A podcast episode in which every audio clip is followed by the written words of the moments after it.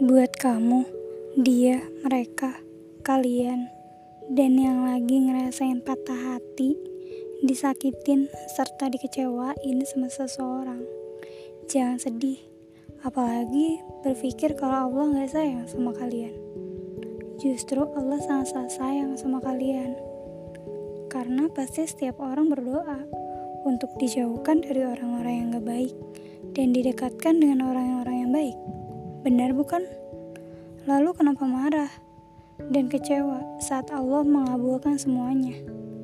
Kamu, dia, mereka, dan kalian mungkin kehilangan orang yang kalian cinta. Tapi kalian gak rugi, yang rugi itu dia.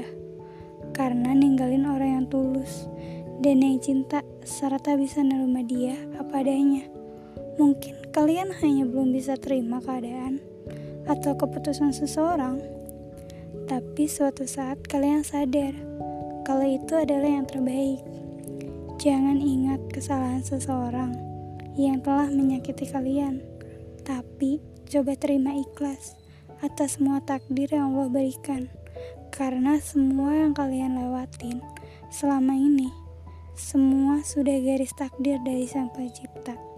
Terima saja dengan hati yang lapang. Bye.